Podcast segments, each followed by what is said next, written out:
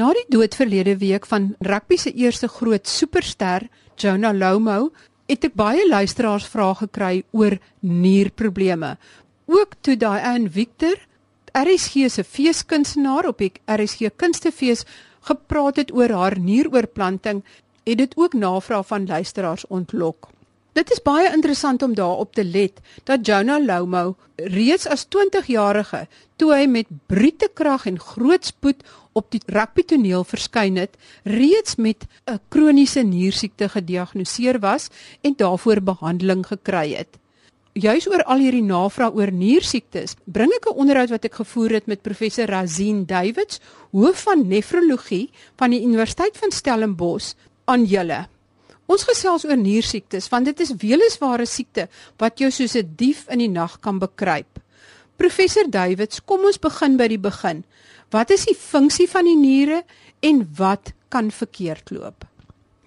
Ja, niersiektes kan baie stil wees en die niere is van ons belangrike organe wat uh, essensieel is vir lewe. Die niere filtreer die bloed en behou die balans van vog, baie stowwe soos elektrolyte, Hulle hanteer die pH van die liggaam en as die niere versaak, dan het ons probleme met al daai aspekte. Vloeistof wat 'n mens drink kan nie voldoende uitgeskei word nie en die pasiënt word opgeswel en vog oorlaai en al die gifstowwe wat die niere gewoonlik uitskei word dan in die liggaam behou en die pasiënt raak dan al hoe sieker. Maar aan die vroeë stadiums van die siekte is daar geen simptome vir baie maande of jare nie. Ons praat nou van kroniese niersiekte. In ander woorde, niersiekte wat oor 'n lang tyd ontwikkel en wat gewoonlik permanent is. En in baie gevalle progressief vererger. En dis regtig die probleem dat die pasiënte goed voel en teen die tyd wat hulle siek word, is dit al maande en soms jare aan die gang. Teen die tyd wat hulle by ons presenteer, is hulle niere al klein en dikwels verskrompel en dan praat ons van ernstige dinge soos dialyse en oorplanting in daai gevalle. Wat is die oorsake? Daar's 'n lang lys siektes wat die niere kan aantas, maar die grootes is eintlik diabetes en swak behandelde hoë bloeddruk, so hipertensie. En op die oomblik ervaar ons 'n globale epidemie van niersiekte. Baie studies in in verskeie lande sê vir ons dat omtrent 1 in elke 10 volwassenes 'n graad van niersiekte het, kroniese niersiekte. 10%. Dis 'n groot klomp mense. So dis baie meer algemeen as wat 'n mens mag dink.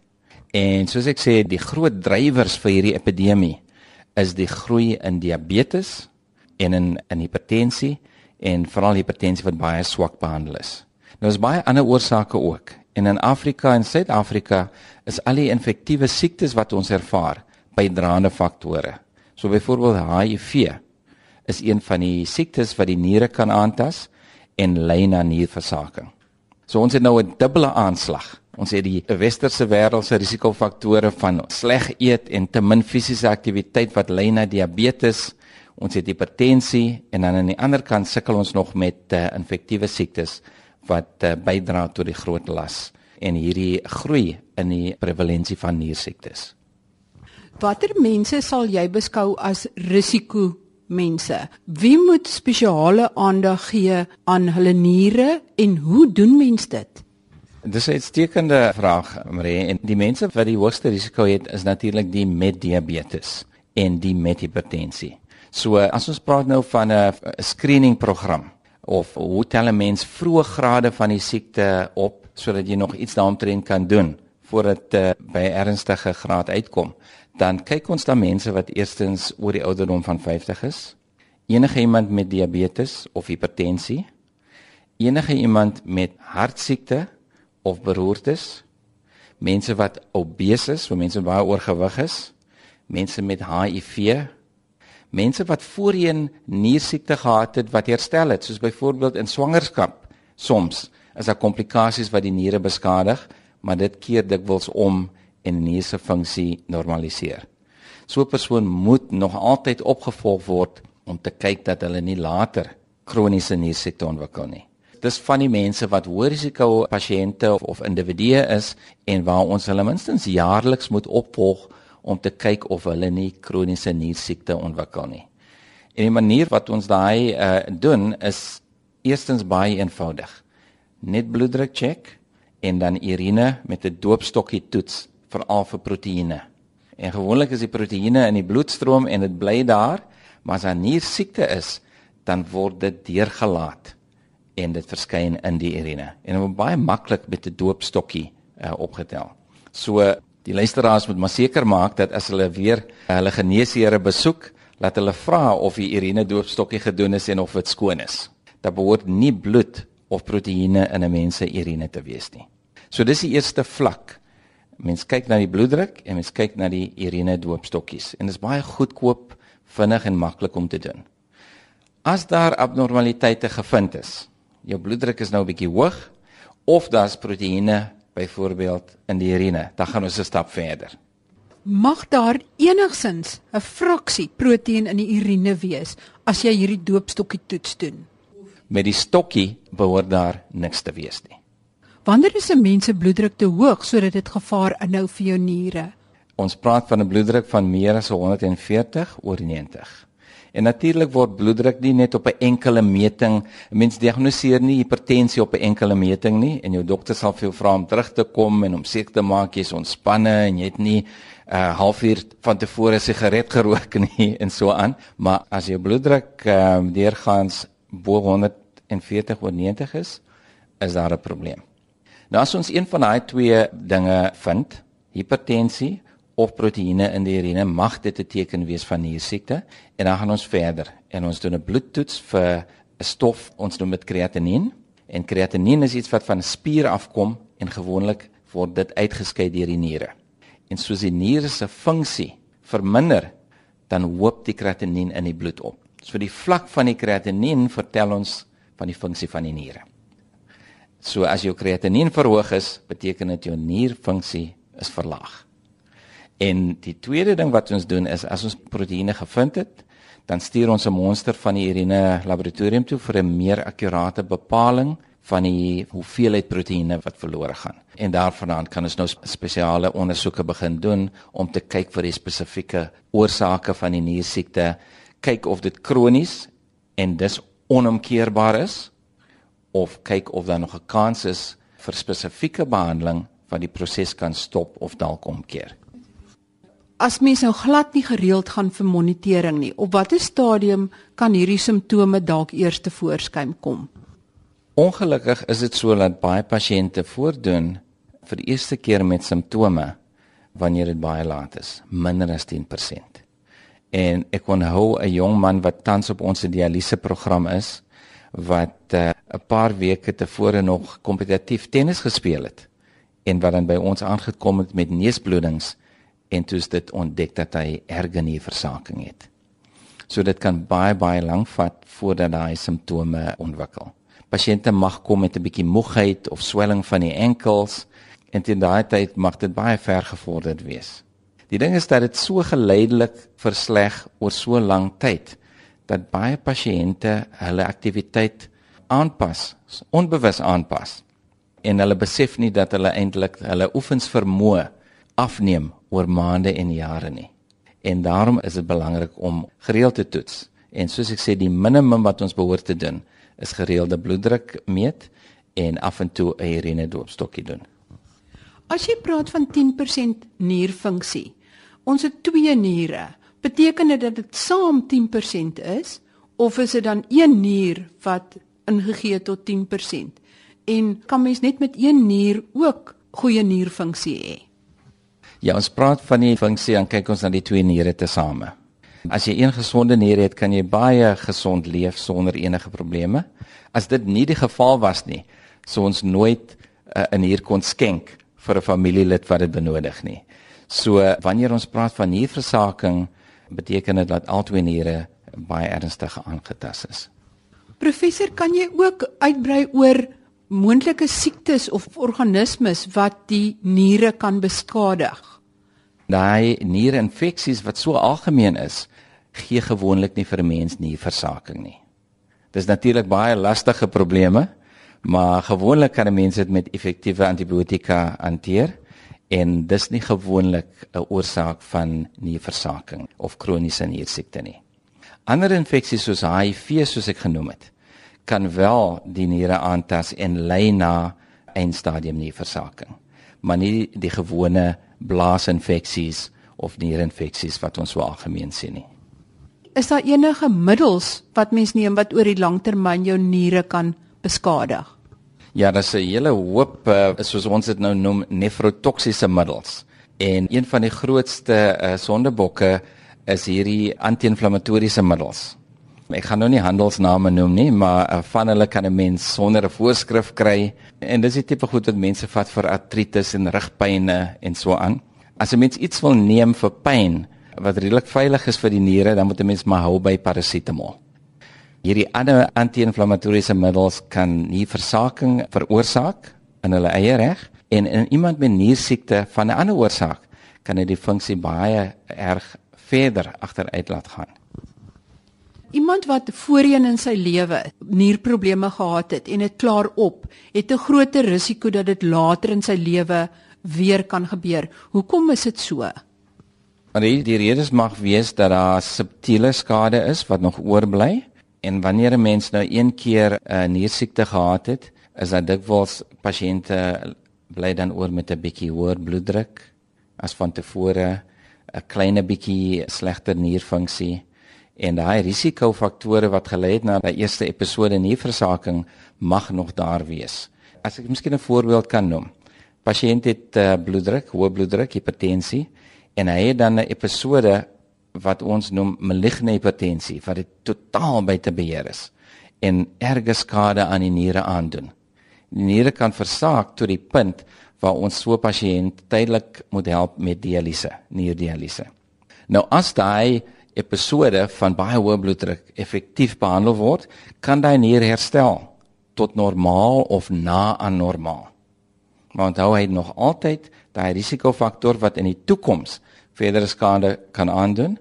Hy mag 'n bietjie subtiele skade oorgehou het van hy eerste episode wat nie vir ons maklik is om tans op te tel nie, maar daarom moet ons 'n oogie op hom hou in die toekoms.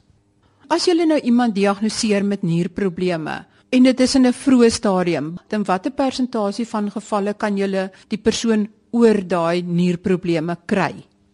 Maar dit is nou moeilik om 'n globale syfer te gee want daar is so baie verskillende siektes of situasies wat lei na hierdie siekte en mens probeer maar altyd 'n spesifieke diagnose maak en dan word jou handeling mos nou bepaal deur daai diagnose. Soos kom ons sê pasiënt het 'n uh, immunologiese siekte, dan sou ons dit behandel met uh, immuunonderdrukkende middels. As ons vind dat die probleem is hoë bloeddruk, sal ons seker maak dat die die bloeddrukbeheer oor die langtermyn baie goed is en die pasiënt mooi opgevolg word. Maar dit is definitief bewys dat as jy die niersiekte vroeg optel en jy gebruik en jy beheer die bloeddruk goed en jy kyk na al die ander risikofaktore wat dalk die niere negatief mag beïnvloed, soos al daai anti-inflammatoriese middels vermy, dan kan jy dinge stabiliseer of dalk laat verbeter. En die progressie van die nierskade word dan verstadig of sommer gestop.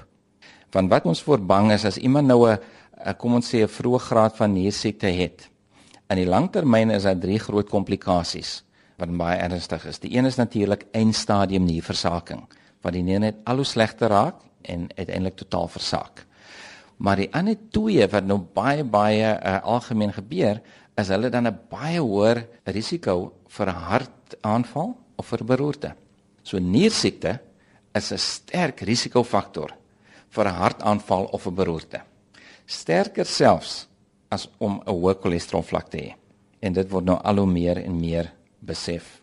En daarom is dit belangrik om in 'n vroeë stadium in te tree om dinge te probeer stabiliseer en is interessant dat wat ons op daai stadium doen wat goed is vir die nier is ook dan goed vir die hart. Want dis dinge soos jou gewig probeer normaliseer as jy bietjie oorgewig is.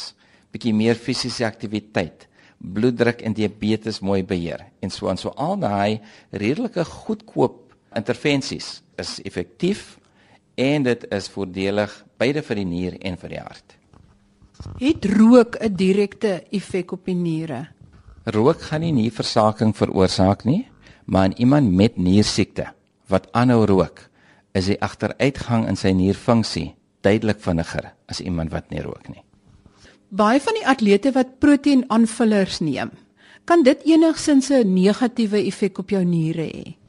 En iemand wat uh, gesond is met normale nierfunksie gaan die gebruik van kreatinien of 'n hoër proteïen dieet nie 'n probleem veroorsaak nie. Waar ons af en toe 'n probleem sien, is mense wat hierdie middels vat wat eintlik verbode is. Die anaboliese steroïdes en so aan en en ons het al gevalle gehad van atlete of mense wat uh, sport doen wat anaboliese steroïdes neem en dit lei na erge hipertensie, hoë bloeddruk. En die hoë bloeddruk beskadig dan die nier, soms onomkeerbaar. En ons het al mense gehad wat op dialyse beland het en wat oorplantings moes kry omdat hulle daai middels gebruik het. So die onwettige middels soos die anaboliese steroïdes of stimulante wat soortgelyk is of baie enes is soos amfetamines daai middels kan definitief lei na probleme wat die nier uiteindelik beskadig. Professor, jy het onlangs weer 'n register vir nierpasiënte begin. Wat sê daai data? Jy weet lank gelede het ons eene gehad. Ek praat van die vroeë 90s en vroeër. Maar ons laaste verslag van die ou register het die situasie rapporteer soos in 1994. En daarna, weens 'n gebrek aan befondsing, het hy doodgeloop. So vir die laaste amper 2 dekades het ons geen amptelike data gehad op dialyse en oorplantings in Suid-Afrika nie. En wat die register meestal rapporteer is hy gee vir ons die syfers of die getalle van mense wat op behandeling is via dialyse of met funksionerende nieroorplantings en die verspreiding van daai pasiënte oor die provinsies, privaat sektor versus publieke sektor, demografiese inligting en so aan. So is baie belangrik vir ons om te weet hoeveel pasiënte ons behandel, hoe hulle verspreiding is en ook hoe ons opmeet teen ander lande wat dialyse en oorplanting betref. Want die getalle van mense wat behandeling ontvang is 'n refleksie van hoeveel behandeling aangebied word. Dit is 'n baie groter behoefte as wat ons kan voorsien.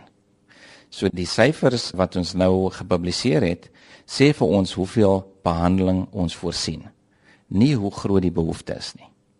Wat skat julle is die behoefte versus die behandeling wat voorsien word? Hoeveel mense kry in werklikheid dialyse vergelyking met die wat dit nodig het?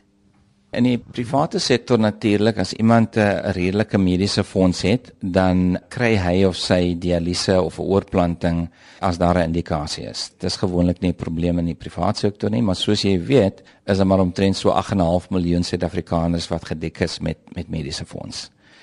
En oor die 40 miljoen mense wat op die staat afhanklik is vir hulle behandeling. Op die oomblik om vir jou voorbeeld te gee by Tygerberg Hospitaal kan ons omtrent 30% van die mense help wat dit nodig het. Dis baie duur behandeling en ons bronne is beperk en daarom het ons nie die vermoë om meer as dit op die oomblik te hanteer nie. Ek wens ons kon baie meer mense behandel en een van ons take as nefroloog is altyd om te beklei vir meer bronne sodat ons meer mense kan behandel. Daar is groot verskille tussen provinsies in die aantal pasiënte wat dialysebehandeling en nieroorplantings ondergaan. En natuurlik groot verskille in die behandelingskoers as mens nou privaat en publieke sektore uh, vergelyk en dan ook veranderinge in terme van die die modaliteit van behandeling. In 1994 was die meeste pasiënte oorgeplant. So meer as 50% was pasiënte wat met funksionerende nieroorplantings geleef het en dan net 'n bietjie minder as dit was op dialyse. En nou is dit heeltemal anders met baie meer dialyse en proporsioneel heelwat minder oorplantings. Waarom is dit so? En hoe vergelyk Suid-Afrika met ander lande in die wêreld?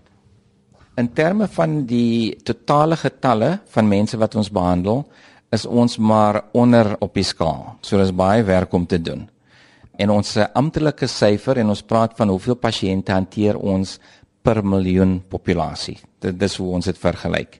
En ons staan nou op 164. In 1994 het ons gestaan op 70. So dis beter as wat dit was, maar dis ver van wat dit behoort te wees. As ons nou op die internasionale vergelykings kyk, dan is ons hier by Bangladesh en by die Filippyne. En ons moet nou 'n bietjie kyk of ons nie bietjie beter kan doen oor die volgende paar jaar nie. Daar's baie redes hoekom daar nou meer dialyse is en minder oorplantings. Een van die redes is uh, omdat daar 'n redelike groot groei was in die privaat sektor en veral in die privaat uh, sektor wat betref hemodialyse.